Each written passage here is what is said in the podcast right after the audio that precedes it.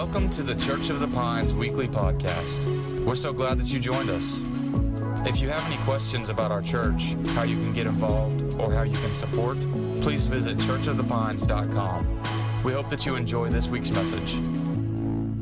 Amen. Well, we I've been planning on this and been preparing for this for, for weeks and weeks, you know, really well over a month. We've been knowing that we were going to teach on this topic and, and preparing and looking all over the, the Bible. And I've, I've talked to professionals, both in the private sector and in the church world, who deal with topics like this so that I can, so that I can do my part to minister the most effective way that I can. Now, know this I'm not, a, I'm not a licensed counselor, I'm not a professional counselor, I'm a pastor and I want to help you the best way that I can. The, the best way that I can help you is to point you to the Word of God. We're also going to point you towards some, some very practical outside of the church opportunities. And if you have a struggle that is not addressed in this series or that is more pressing than in this series, I'm going to ask you right now to seek out and get some help. And you can reach out to us and we will help you do that. And I'm going to have a, a couple of suggestions in the message today. I know that, I know that there's nothing that I can necessarily say that's going to touch everything, but I have prepared a message today because I figured today is going to be the most people here to hear the message. So I just, it's kind of, I want to touch on a little bit of everything. And as I was praying for this, I had a friend of mine that went and researched and put together all kinds of scriptures uh, on the topic, and this friend of mine had gone through, uh, as a Christian, had gone through uh, psychology and is going to school for some of that. So he gave me a lot of scriptures. And the one that stuck out to me the most, and the one that I thought that the most of us could identify with, uh, it's in your message notes. We're going to put it on the board. I'd love for you to take your message notes out of that worship guide and, and follow along. But out of Jonah, Jonah 2, if you know the story of Jonah, Jonah ran from God. God called Jonah and gave him a very specific message for a very specific group of people. And Jonah got scared and Jonah didn't want to do it. And for several reasons, Jonah ran.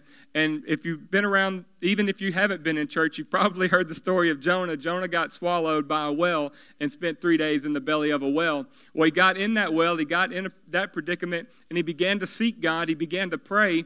And part of that prayer we find in Jonah chapter 2, verses 5 and 6. It says, I sank beneath the waves and the waters closed over me. Seaweed, it wrapped itself around my head. I sank down to the very roots of the mountains. I was imprisoned in the earth, whose gates locked shut forever. And I thought, my God, I read that and I thought, if there's ever a scripture that to me kind of paints what it is that I have on my heart to minister to you as the church, if there's ever, I think, some, some words that put put a picture to what we are trying to tackle and what we all experience, I thought, this is it. And it's no doubt because water uh, in the Bible and both um, in, in uh, literature and in, even in dream interpretation, like anybody will tell you that water represents emotion. That, it, that it's, it's water, than, and Jonah, Jonah experienced this in a very real way. Like this was, this actually happened to Jonah. It actually happened to him, but for many of us, you may have never experienced actual physical drowning in water, but that is where you feel like your life is right now. And if it's not like that right now, maybe you've experienced that in your past. And if you haven't, hopefully this message will prepare you for a time when you do experience it. And when it comes to depression and when it comes to anxiety, these are the feelings that come alongside of us without going into defining depression. I felt like this scripture puts a great picture, puts great words to the picture of what it feels like to struggle with that on the inside the, the drowning, the hurting. And when it comes to illness, you know, this, over this past couple of weeks, most of our worship team has kind of struggled through some kind of a, some kind of a, a cough, a, a cold, a, a, sniffle. And when somebody comes and they say, hey, I, am not feeling too good, I got a cold, or maybe I got the flu, or something like that, you know, it's real common. And we'll just say, well, we'll pray for you. And, you know, that's, that's good. And we kind of rally around them, try to take care of them. But yet, for some reason, when you ask somebody how they're doing, and it's not that, it's, oh, I'm, I'm struggling. You know, it's like I, uh, I, am depressed. We say, hey man, how you doing? I'm just kind of overwhelmed with anxiety right now. We kind of don't know what to do with that, and we, we, we kind of back off of that a little bit. There's a stigma that's attached to mental illness that's different than, than what we attach to physical illness. And I'm just here to tell you today, as a pastor and as a church, that I think that we've skirted around this issue and minimized this issue far too long. And we're seeing left and right all over the world people who are affected by, by mental and emotional issues. That's, it's, it's causing some serious hurts, it's causing some serious problems, and it's time for us to discuss it because sickness is not a sin. Can I get an amen, somebody? Sickness is not a sin. And your illness is not your identity.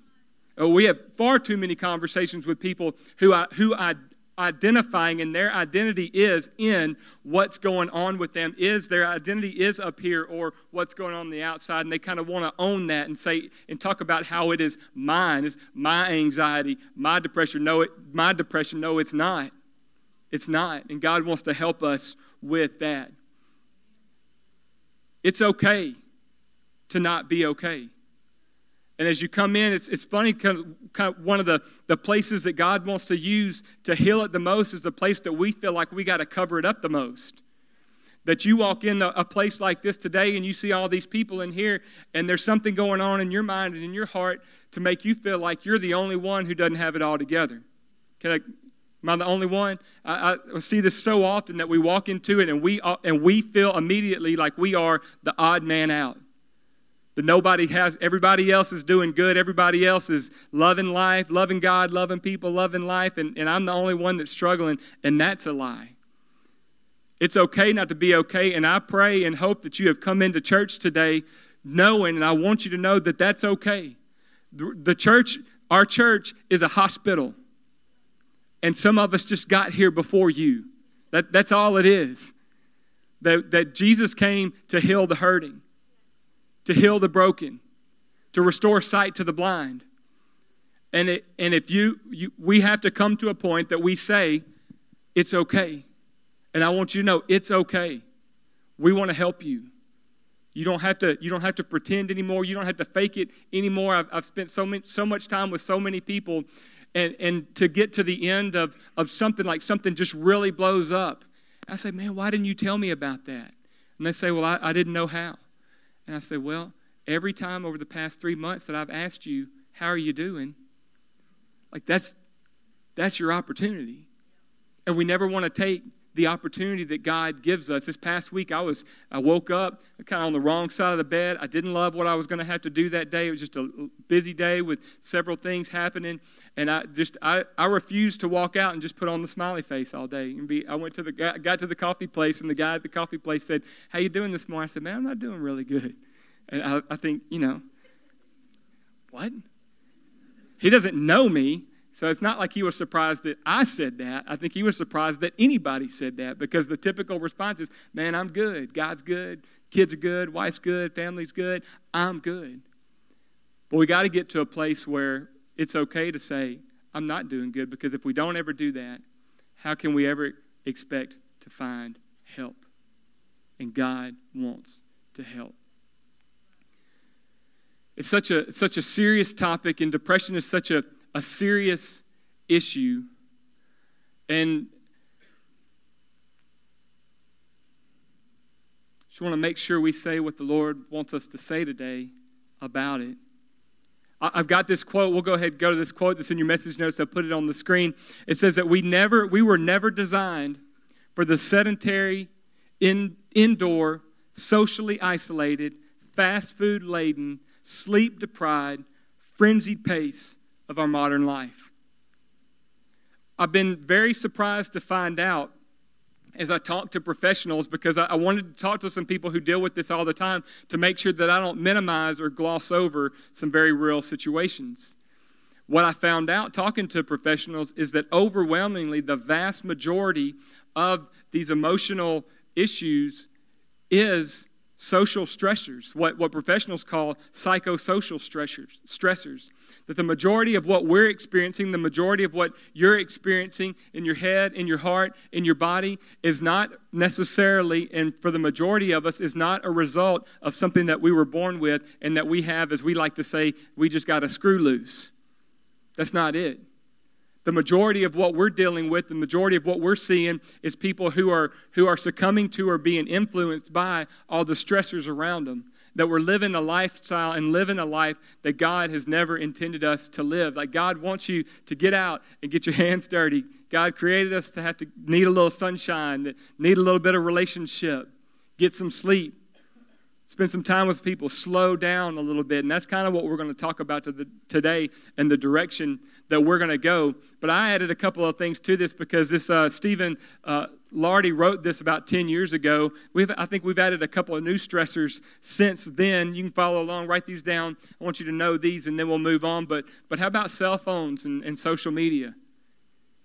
Yeah, okay. It's, it's like a, a low grumble. Mm-hmm. Yeah.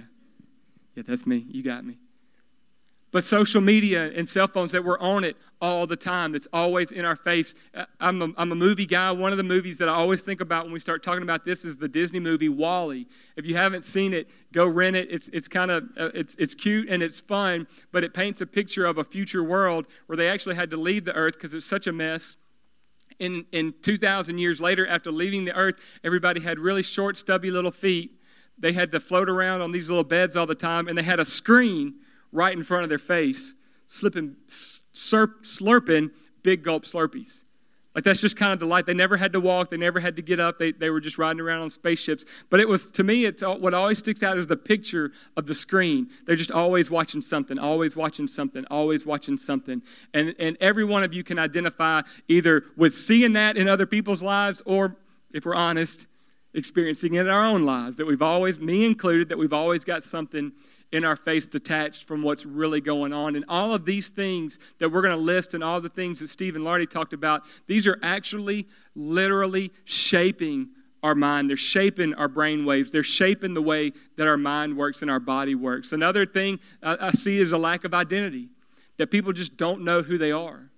That's why we're seeing the, the, the gender conversation that we have going on in our nation right now because people have just gotten away from knowing who they are and that's a big part of what we want to do and a big part of the journey that we want to take you on is discovering your design discovering who it is that god made you to be. It's so important that we know our identity know who we are and know who we are in christ. We want you to know that. I think another thing that we come up against is just the inability to process pain I got all this going on, both physically, emotionally, mentally, and I don't want to deal with it.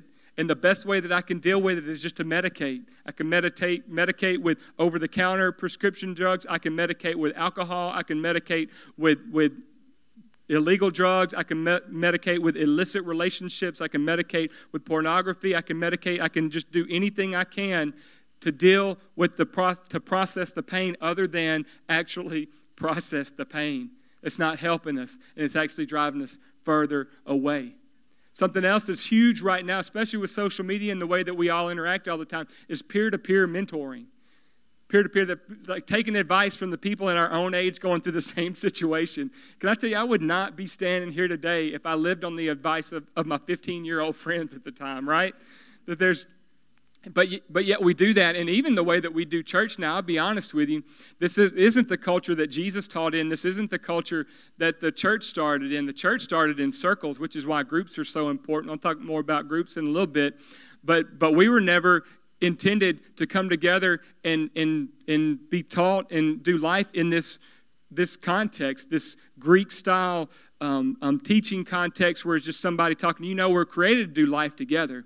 And I've talked to so many people who are, I'm 44, and there's people who are 10 years older than me and above. They're trying to figure out what's my purpose? Why am I here? Where is my place in the church? Your place in the church is to mentor those younger people who are trying to figure and navigate all this other stuff out. What I see is a generation of people who want to turn their back on a generation that's struggling with media, social media, and struggling with cell phone uses, is struggling with self medication, and we want to turn our back on them and say that's their problem. They need to figure it out. They need to get right with Jesus when really God's placed you in the church and in the world right now to help them. And we need a generation of men and women who don't turn their back on, the ne- on, the la- on this generation, but they turn around and help this generation. We need your help. We need your help help with us. We don't need peer to peer mentoring. We need the older men, the older women teaching and helping the younger women. Younger people, you need to reach out to. You got 21 year old friends who aren't doing any better than you are, and they can't help you. They're just going to let you cry on your shoulder and tell them it's okay. And that's okay for a minute, but you need somebody who's been there, done that, that's going to lead you up. Because what happens is this next one, it just becomes all about us. We're in this narcissistic culture, this narcissistic meme culture that's selfie here and selfie here, and, and look at me, look how great I'm doing, look, at, look how great my world is, right? That we're painting this picture of, of this perfect world, and nobody's world's perfect. And the world that you're seeing on somebody else's Instagram page or Facebook page, you got to know that their world is not perfect. It's so funny that people will post a picture of this of their brand new kitchen where they spent multi millions of dollars on a remodel on their kitchen, and they say, "Look how great my kitchen is," and you trying to do something, and you want to do something that you can never afford, just inspired by somebody else doing something. It's it's not good. It, it becomes all about me, what I want, what I need. God hadn't designed us to live in any of those. And when you get to that narcissistic, all about me kind of culture, that's where we fall into uh, just an epidemic, I will say, in our times of suicide. Suicide just seems to run rampant. And I don't know if you know this or not, but East Texas has the highest suicide rate of the whole state of Texas. Here, right here in our own backyard. And I apologize to you that we don't talk about this any more than we do in church. We, you will hear about it, and we will talk about this. There are over almost uh, uh, 1 million cases of suicide around the world annually. I mean, it's just, it's happening all the time. 40,000, roughly 40,000 of those are happening in the United States. They say that, that the suicide rate is double the murder rate my brother-in-law, worship pastor uh, Chris, works for Southern Farm Bureau Life Insurance, and he he looks at uh, death claims. That's what he does all day, every day. You know, pray for pray for our worship pastor. Thank you. So he processes that. We were talking about it this week. He said that that he he feels like we don't have the statistics to back this up, but he said he feels like he sees more deaths associated with self-inflicted wounds than cancer. That it's just happening all the time. And I, and I saw something this week that said that for every one suicide, for every one person who actually dies from suicide, there's roughly 20 or more people who have attempted it. And where more, uh, and it, I wasn't going to talk about this today in this message, but just last week, we had a pastor on the West Coast who took his own life. And he was on the forefront in his church and in his community on that subject. Like he, he was all about helping people and mental health and, and, and suicide prevention, but yet he succumbed to it. Left two young children, a wife, a ministry, all that just left him left it behind because what he what was going on with him just became too great for him to walk through even this morning, let me tell you how relevant this is. Even this morning, as we were praying, our dream team has a little service early on. We worship together and pray together. This morning, we're doing that, and one of our team members texts me and says, I'm not sure if I'm going to make it. Pray for me. I've got a coworker I just found out is, has told another coworker that he's prepared to end his life today, and we got to go find him, like happening right now as we're in this room. As we got ready to pray about that, we had another one of our team members say, Hey, y'all don't know this about me, but within the past couple of years, I made an attempt to end my life twice. It's real, guys. The struggle is real. And our friend this morning, right here, said, You don't know how difficult it is to feel like you're drowning and there's 30 lifeguards all around you and you just don't know you just don't know how to ask for help. So if you're here today, I want you to know a couple of things. You need to know before you do and take this step that suicide is a permanent solution, a permanent, irreversible attempt to solve a very temporary problem. And I know that it doesn't feel like it in the moment. But it's just like what we were talking about with the water that it, these emotions they come in like waves. But just as they come in like waves just like waves do they recede as well. They go back out.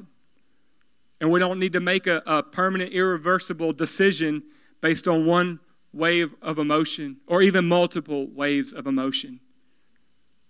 You don't have to die to end your pain. And maybe that's what you came here today to hear and if it is, I hope so. And if that's you and you're in that spot, well, I got to put this information up on the board that you can call somebody. That I know it's hard to reach out to people around you. Like uh, my friend said this morning, you, can be completely drowning knowing there's 30 lifeguards around you, but you just can't. I mean, you, you just can't get it out. And we're not asking people questions enough either. We're asking, hey, how are you doing? Expecting to get a high five and a let's go. But if we're going to ask somebody how they're doing, let's ask them with a heart to wait a second to hear the response. Because it might not be the response that you thought it was going to be. It it's not, might not be the response that you were hoping to hear. And you may feel like in that moment, God, why me? Am I hearing this? But it's you. And God wants to use you. And if you know somebody, or if you're here today and you're struggling, here's your number. Call somebody. Reach out. Get some help.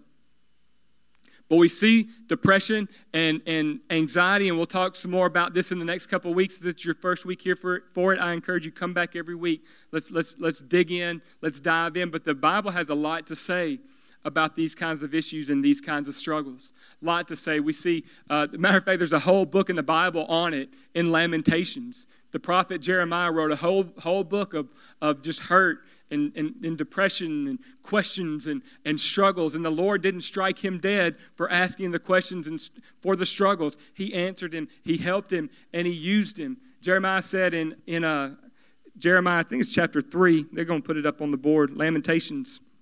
Chapter 3 says, I have been deprived of peace and I have forgotten what prosperity is. Isn't it sometimes you get to that place and you've just forgotten what it was like to win?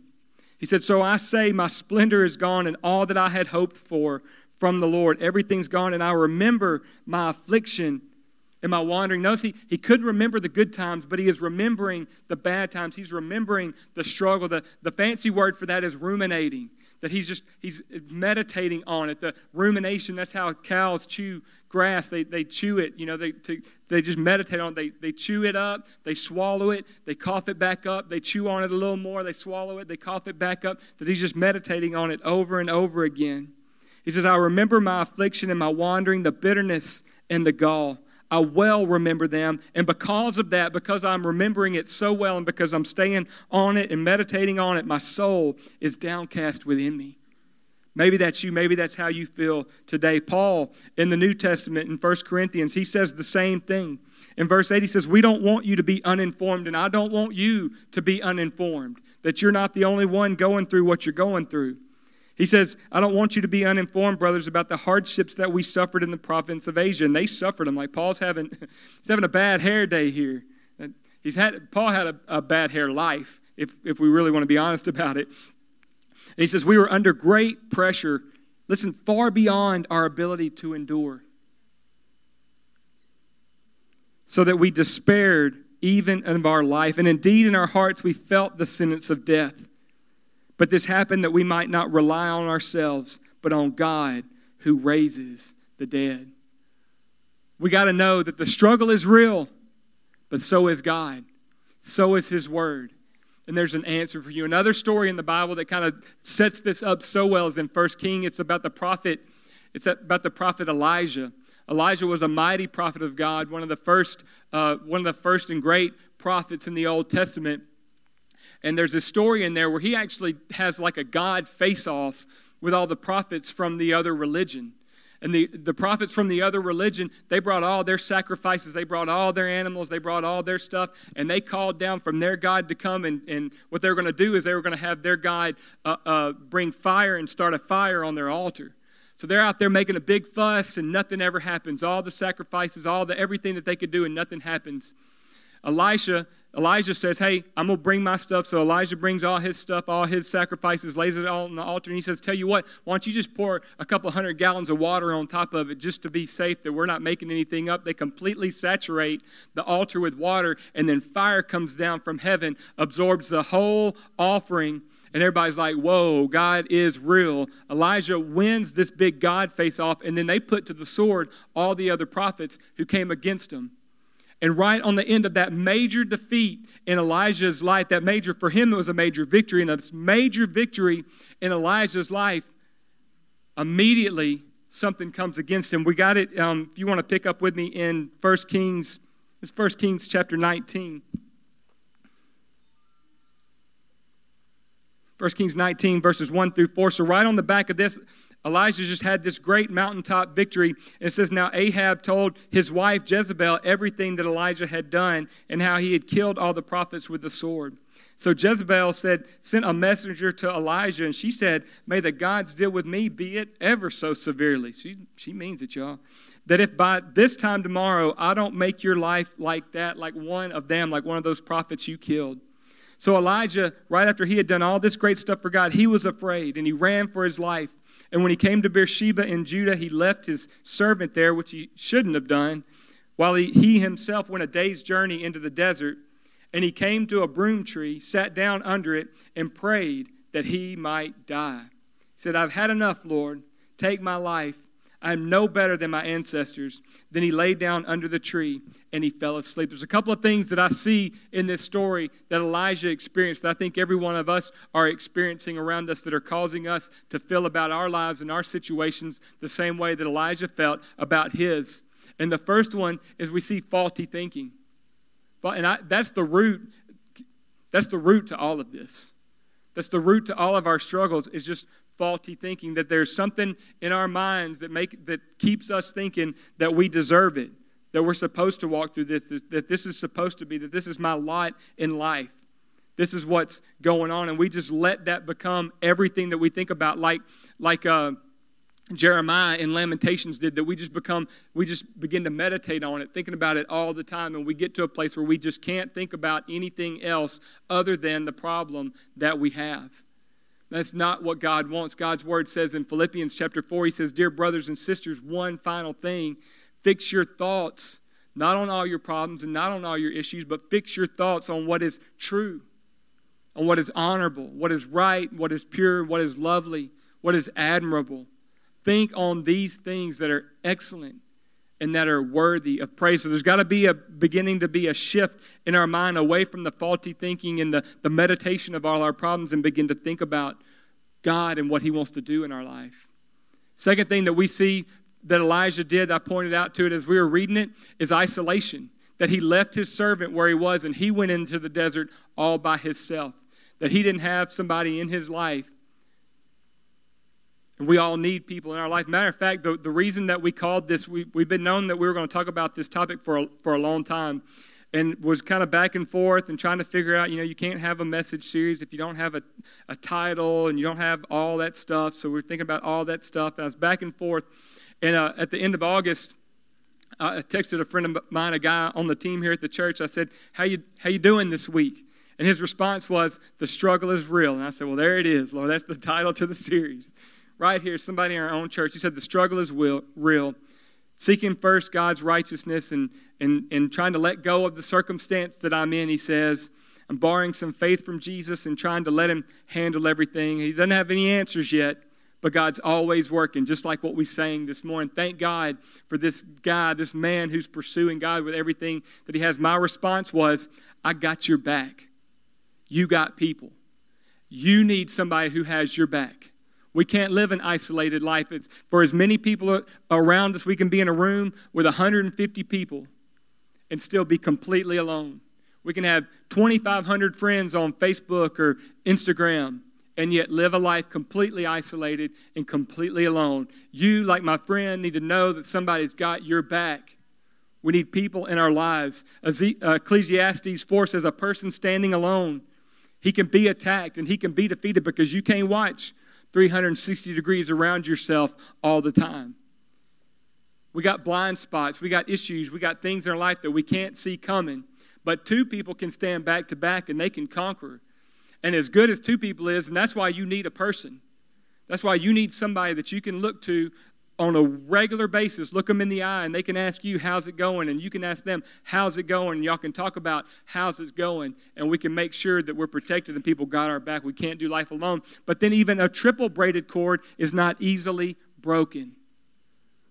That's why small groups are so important. Can I tell you, we talk about small groups all the time because it's important that we have relationships and that we are doing life with people. And we are not trying to build a small group empire at Church of the Pines. Can I tell you, just to, just to prove that it's not about our small groups, go find you a group anywhere I, I, got a dear friend of mine that's going going to a group at another church, another thing that they're doing. Man, go get in a group, find some people wherever you are, whatever the situation is.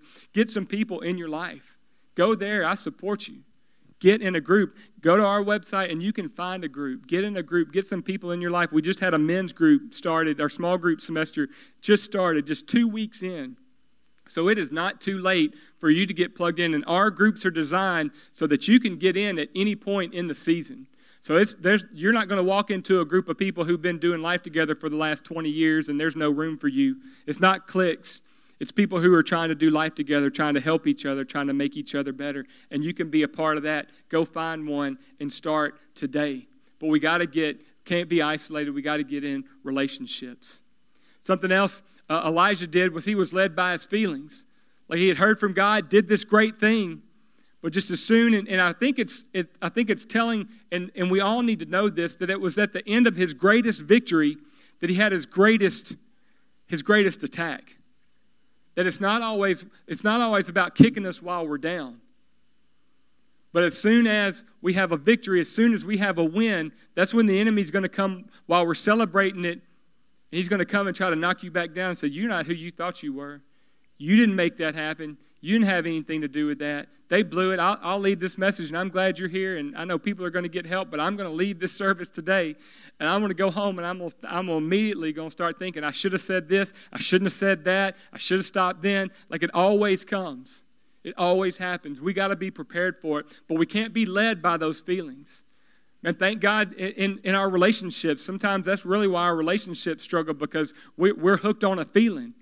God doesn't need you hooked on a feeling, He wants you hooked on the truth. And sometimes it's just about making a decision and sticking with the decision even when we don't feel even when we don't feel like it. Till death do us part. Not till I don't feel like it anymore do we part. That we're looking for a feeling. And I, we can't be stuck on our feelings. We need truth. And that's what I'm hoping to bring to you in this series is some truth about the situations that we're facing. Jesus says that you will know the truth, and it's the truth that's going to set you free. It's the truth that's going to keep you from buying into the lies of, your, of the enemy. It's the truth that's going to keep you from buying into the lies of your feelings. We got to know and we got to follow the truth. And then something else, and I love what he says. It's so appropriate for our time. He says, Take my life. I am no better than my ancestors comparing himself to his lineage, comparing himself to his family, comparing himself to the people that had gone before him. And man, is there, if there's any time in history that we are struggling with comparison, it's right now. It used to be just, it used to be just keeping up with the Joneses. But now we're keeping up with the Joneses and the Smiths and like we're keeping up with everybody because we're watching them all on Instagram, we're watching them all on Facebook all the time. And they're only posting their highlight moments, right? Like nobody ever posts, hey, here's my messy kitchen on a Monday. No, no, they're posting that kitchen remodel that cost them $250,000 that you'll never be able to afford in your own house. And we're comparing ourselves to that. And that's a lose lose. There, there's a no win in that situation. Paul, uh, we read about him in 1 Corinthians. Paul and his ministry, there were a lot of people going around preaching Jesus and, and he was trying to make an impact in his generation, in his culture, in the church in his day. And he's reminding the church that he wrote the letter to, a letter to in Galatians chapter 1. He says, Now, he says, Am I trying to approve, get the approval of human beings? Like, are we after man's approval or are we after God's approval? Can I encourage you today? Let's live for the audience of one. Let's live for God's approval and God's approval only. He says, Am I living for the approval of, of human beings or God? Am I trying to please people? Because if I were still trying to please people, I could not be a servant of Christ. They just don't go together. We can't live by comparison. So we get to the end of Elijah's story, kind of takes a break there. He goes, he takes a nap. He kind of lays under that bush. He's like, Lord, take me now. And God doesn't take him now. Aren't you thankful sometimes that God doesn't answer the prayer like we prayed it? Could you imagine? That would be if, if God answered, just answered our prayer because that's what we said and that's what we wanted in the moment, we wouldn't have the rest of Elijah's story. If God would have given Elijah what he wanted in the moment because of the way he felt and what he because of the way he felt and what he experienced, there would we would have no hope.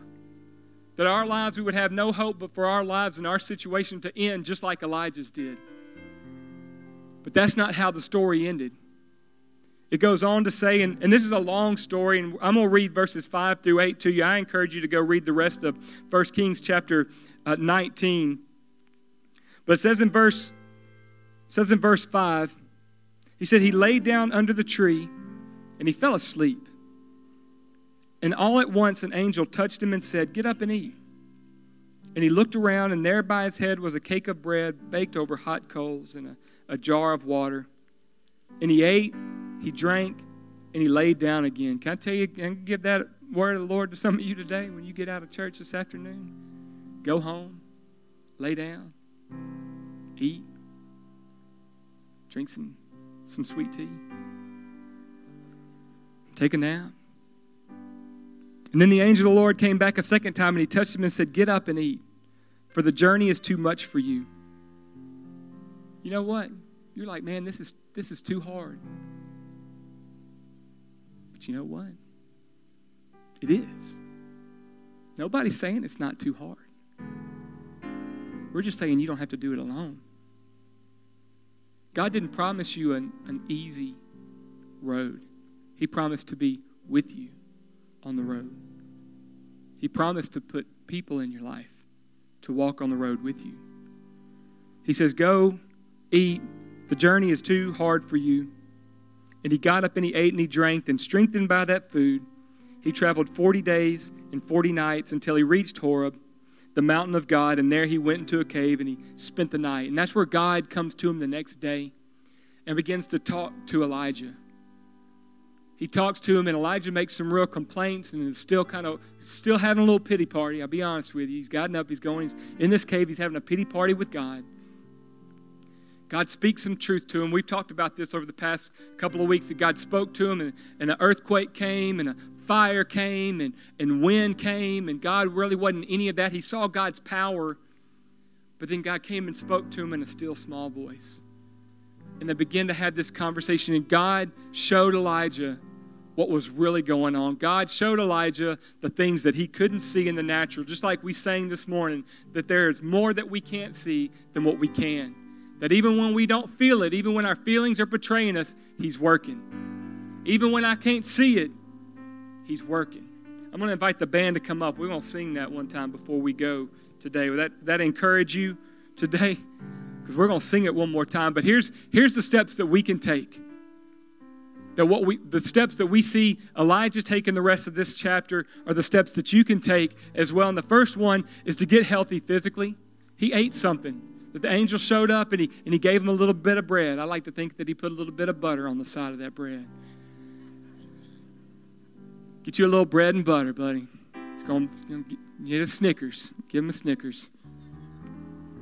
Psalm 127 says, It's in vain that you rise up early and you stay up late, toiling for food to eat, because he grants sleep to those he loves.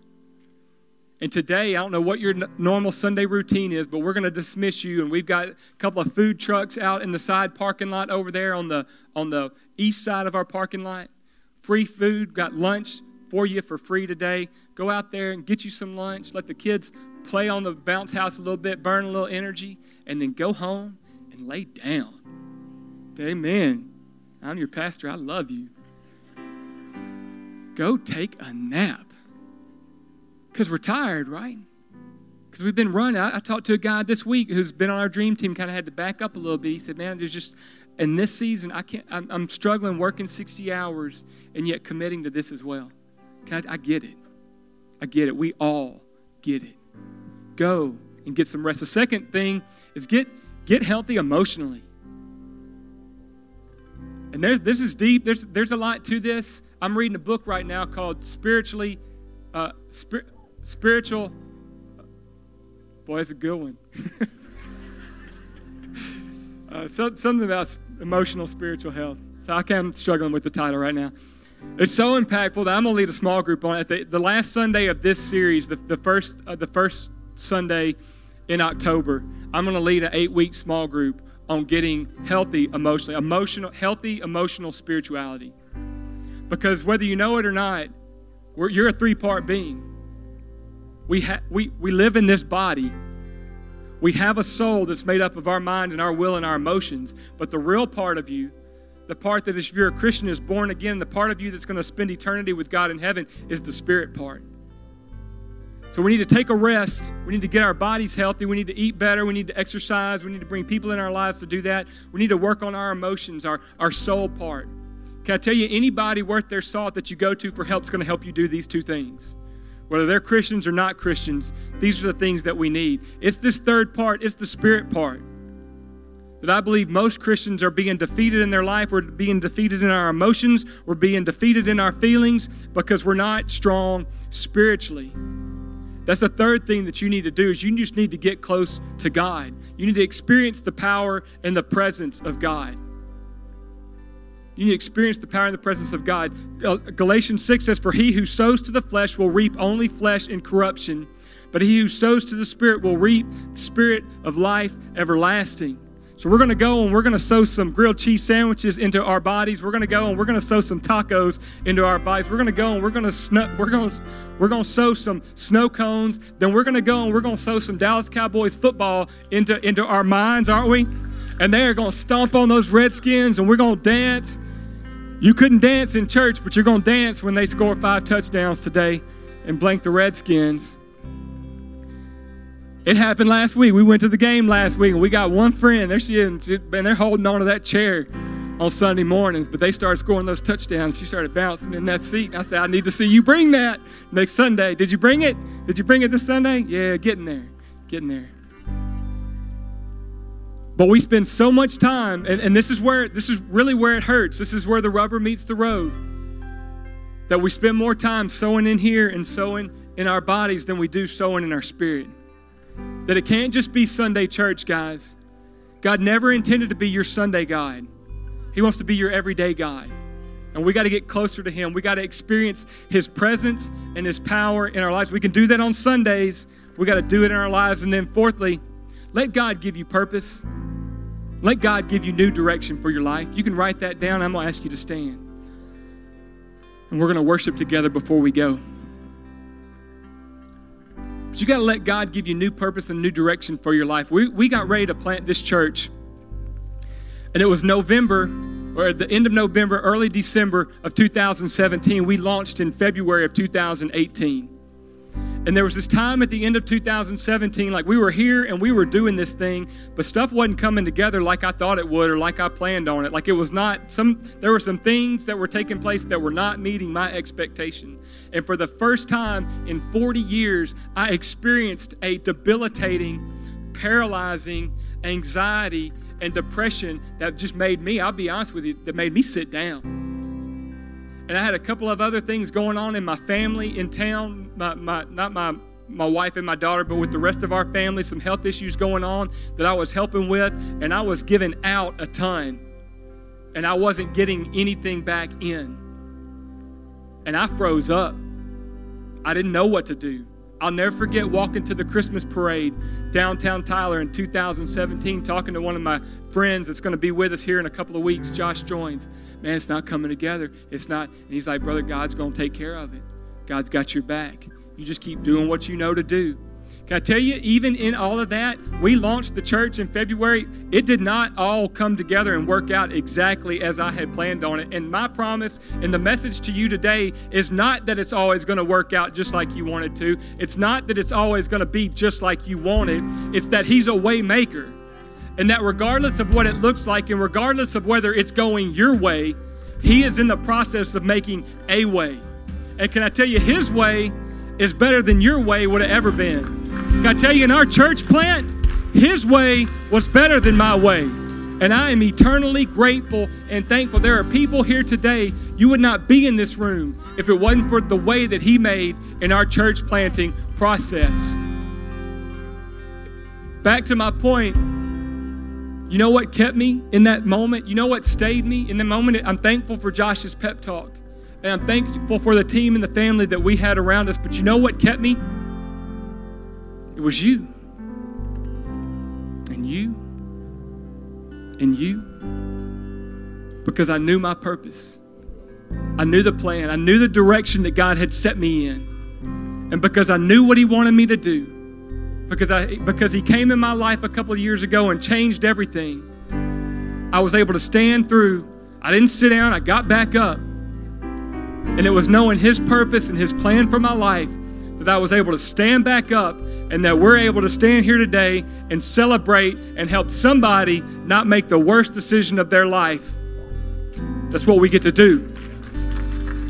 So let's take a minute and let's sing. I just want you to consecrate this. Remind yourself.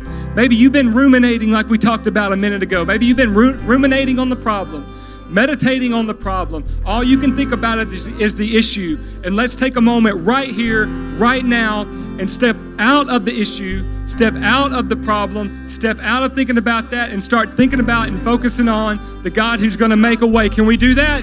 So why don't you lift your hands? Let's sing it. Even when I don't see it, you're working. Even when I don't feel it, you're working. You never stop, you never stop working. You never stop, you never stop working. Even when I don't see it, you're working. Even when I don't feel it, you're working.